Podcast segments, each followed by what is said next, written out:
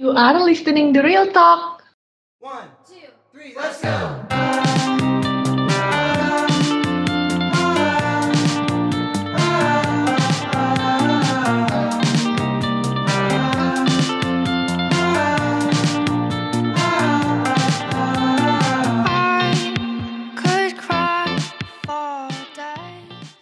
Hai, Corona nggak habis-habis, kamu nggak bisa ke mana-mana. Jangan sedih, karena The Real Talk bakal ajak kalian belajar sambil jalan-jalan keliling dunia. Ayo kita mulai. Saya Clara, saya akan bercerita mengenai Auroville. Auroville terletak di selatan India, tepatnya di negara bagian Tamil Nadu, beberapa kilometer ke pedalaman dari pantai Coromandel. Jaraknya kira-kira 150 km dari kota Chennai dan 10 km dari kota Pondicherry. Sekitar 20 km persegi dari kota ini masih merupakan tanah tandus. Auroville masuk ke dalam kawasan tropis sublembab yang terletak di wilayah dataran tinggi dengan ketinggian maksimumnya terletak di daerah Matri Mandir. Auroville dibuat dengan dua pemikiran besar dari Sri Aurobindo dan Mira Alfasa. Aurobindo lahir di Kolkata, India pada tahun 1872. Ia merupakan putra dari seorang dokter. Ia dipindahkan ke Inggris pada usia 7 tahun karena ayahnya merasa bahwa di India masih terlalu jenuh dengan religiusitasnya dan dikira membutuhkan pencerahan dari negara barat. Sedangkan Mira Alfasa adalah wanita asal Perancis yang merupakan seorang seniman, pemain tenis, dan seorang pemimpin spiritual. Ketika Sri Aurobindo pertama kali melangkah di India lagi, lebih tepatnya di Pondicherry, ia merasakan kedamaian yang sangat dalam. Sebelum Auroville didirikan, banyak kota di India termasuk Delhi sudah mempunyai tingkat polusi yang tinggi, sistem transportasi yang kurang fungsional, dan degradasi kualitas kehidupan manusia secara general. Aurobindo bersama dengan Mira Alfasa menginginkan sebuah perubahan mengenai kota-kota yang ada di India dengan melakukan sebuah percobaan di mana percobaan tersebut berlangsung tanpa gangguan dari pemerintah kota. Daerah India ada dataran tinggi yang luas yang terbakar matahari di utara Pondicherry.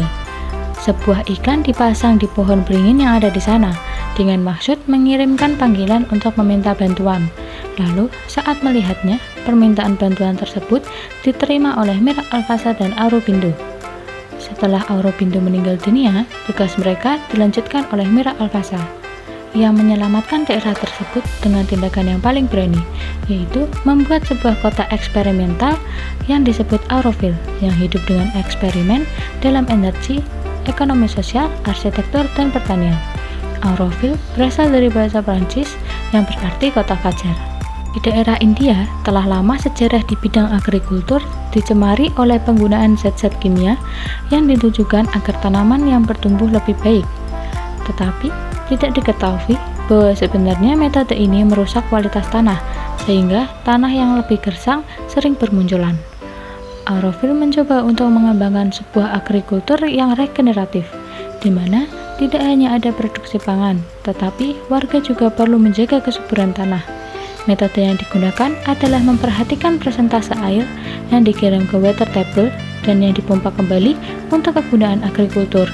Metode lain yang digunakan yaitu menggunakan biomas yang bisa didapatkan dari kotoran manusia dan hewan setelah melewati proses pirolisis. Kemudian ada juga yang menggunakan pupuk hijau yang terdiri dari tanaman-tanaman. Dengan demikian, ini akan menjaga kestabilan ekosistem. Auroville menggunakan morfologi kota suburban dengan lahan yang masih tersisa luas dan belum semuanya dipenuhi dengan bangunan. Pusat kota berada di tengah kota. Konsep kota secara menyeluruh terbagi menjadi empat kawasan, yaitu kawasan kebudayaan, perindustrian, perekonomian, dan kawasan internasional. Auroville dirancang dengan pola galaksi spiral dengan arsitek Prancis, yaitu Roger Enger. Bangunan yang ada di Auroville dibuat berdasarkan arsitektur eksperimental yang terus berubah. Hal ini karena struktur ini berusaha untuk mengoptimalkan penggunaan energi terbarukan dengan tujuan utama mereka yaitu penggunaan ulang dan daur ulang. Pada perencanaan kota Auroville, mereka ingin menggunakan sistem fotovoltaik, yaitu sebuah metode konversi energi solar menjadi energi listrik yang digunakan menjadi atap solar pada beberapa bangunan utama, seperti yang ada di kompleks balai kota yang difungsikan sebagai pusat pusat sumber energi satu kota Auroville. Di sana ada gedung perkantoran Auroville Foundation, gedung perkantoran Sayer, dan lain sebagainya. Pada waktu bangunan tadi menghasilkan energi yang lebih banyak, maka mereka akan mengekspor energi berlebihan ini ke sistem distribusi listrik Auroville yang digunakan di area-area residensial sekitar karena sistem listrik yang mencoba untuk mencari rute terdekat. Auroville sudah dianggap sebagai rumah bagi lebih dari 2000 orang yang di dalamnya ada penulis, seniman, dokter, koki, petani, guru, dan sebagainya dan berasal lebih dari 40 negara belum lagi yang berasal dari seluruh wilayah India. Salah satu unsur arsitektur terpenting yang menjadi pusat di kota ini adalah Matri Mandir. Di Auroville, Matri Mandir merupakan jantung geografis dan spiritual, berupa sebuah kuil untuk latihan mediasi dan yoga, dan menjadi kawasan yang bebas dari agama apa pun. Secara fisik, kubah Matri Mandir tampak seperti bola emas yang sangat megah. Bola emas besar ini tampak seperti muncul dari bumi, melambangkan kelahiran kesadaran baru. Di dalamnya terdapat tanah dari 124 negara yang melambangkan perdamaian dunia. Auroville diresmikan pada 28 Februari 1968 oleh Mira Alfasa.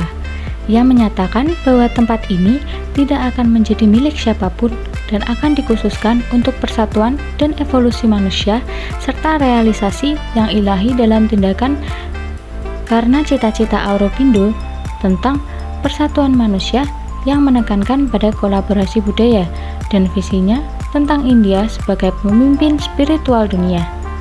Auroville ingin menjadi kota yang universal, di mana pria dan wanita dari berbagai negara dapat hidup dengan damai dan harmoni. Tujuan utama Auroville yaitu mewujudkan persatuan manusia. Mira juga percaya bahwa kota ini akan memberikan kontribusi yang menentukan bagi ke kebangkitan India. Tetapi pada tahun 1973, setelah Mira Alfasa meninggal dunia, celahan serius dalam pengurusan sehari-hari berkembang antara persatuan dengan penduduk kota.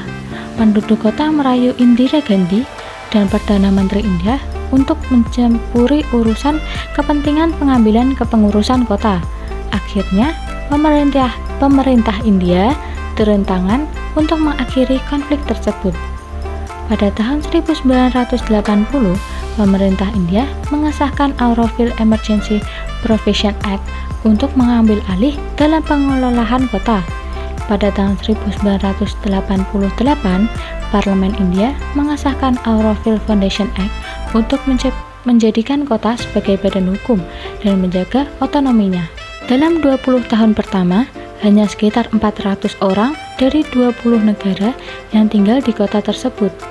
Dalam 20 tahun ke depan, jumlah ini meningkat menjadi 2000 orang dari 40 negara. Lalu, pada Januari 2018, meningkat lagi menjadi 2814 penduduk dari 54 negara, dengan dua pertiganya dari India, Prancis, dan Jerman. Auroville dipuji sebagai kota internasional oleh UNESCO karena masyarakatnya berasal lebih dari 50 suku bangsa yang berbeda. Dengan masyarakat yang berasal dari negara yang berbeda, dari kelas sosial yang berbeda, latar belakang dan budaya yang berbeda, tetapi mereka hidup berdampingan. Mereka juga tidak memiliki sistem politik, tidak memiliki agama, dan tidak menggunakan uang untuk mendapatkan semua kebutuhan hidupnya. Tetapi mereka menggunakan sistem pertukaran atau barter. Auroville percaya kepada layanan kebenaran, di mana nilai individu akan memiliki kepentingan yang lebih besar daripada nilai kekayaan materi dan posisi sosial. Di Auroville ada yang namanya Aurocard, yang merupakan sebuah kartu yang diberikan pada tamu yang datang ke Auroville sebagai hak istimewa. Kartu ini digunakan sebagai akses untuk layanan yang ada di Auroville, seperti restoran, penginapan, dan lain sebagainya. Pada tahun-tahun berikutnya, terlepas dari pemerintahan mana pun yang berkuasa, Auroville terus berkembang. Penduduknya penduduk perintis di kota ini bergandengan tangan dengan penduduk desa setempat dan mulai bekerja. Smart City menurut masyarakat Auroville yaitu merupakan sebuah kota yang lebih menyentuh aspek manusiawinya, walaupun tidak juga melupakan aspek teknologinya. Misalnya, manusia dapat menjalani hidup yang lebih makmur dengan keuntungan pengambilan keputusan yang lebih demokratis. Melalui teknologi dan pengetahuan dalam smart agriculture, yaitu mutualisme antara manusia dengan lahan dan teknologi dalam smart responsive system, yaitu penggabungan antara pemikiran manusia dan teknologi. Selain itu, Auroville juga mementingkan aspek kesehatan fisik maupun mental manusia melalui multidisciplinary medicine system, yaitu budidaya pengobatan kesehatan manusia dalam berbagai aspek yang membudidayakan tenaga kerja manusia agar mengangkat aspek manusiawinya. Di Auroville memiliki daftar masalah teratas, yaitu kasus perampokan, pelecehan sosial, kasus pemerkosaan, bunuh diri, Lalu ada juga masalah yang lain yaitu persediaan air yang terbatas, ekonomi yang tidak berkelanjutan, birokrasi yang kusut, dan tidak ada cara untuk mencatat semuanya. Tetapi banyak juga hal inovasi yang terjadi. Separuh dari kota ini dijalankan dengan panel surya. Ada pertanian organik, pertunjukan seni dan teater spontan, pendidikan gratis, dan lain sebagainya.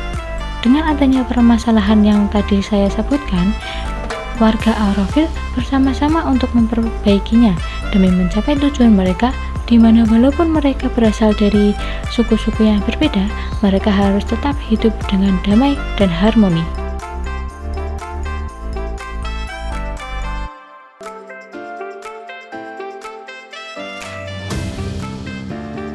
Itu tadi cerita kita untuk episode kali ini. Looking forward for having a nice time with you and hope you learn something. Bye!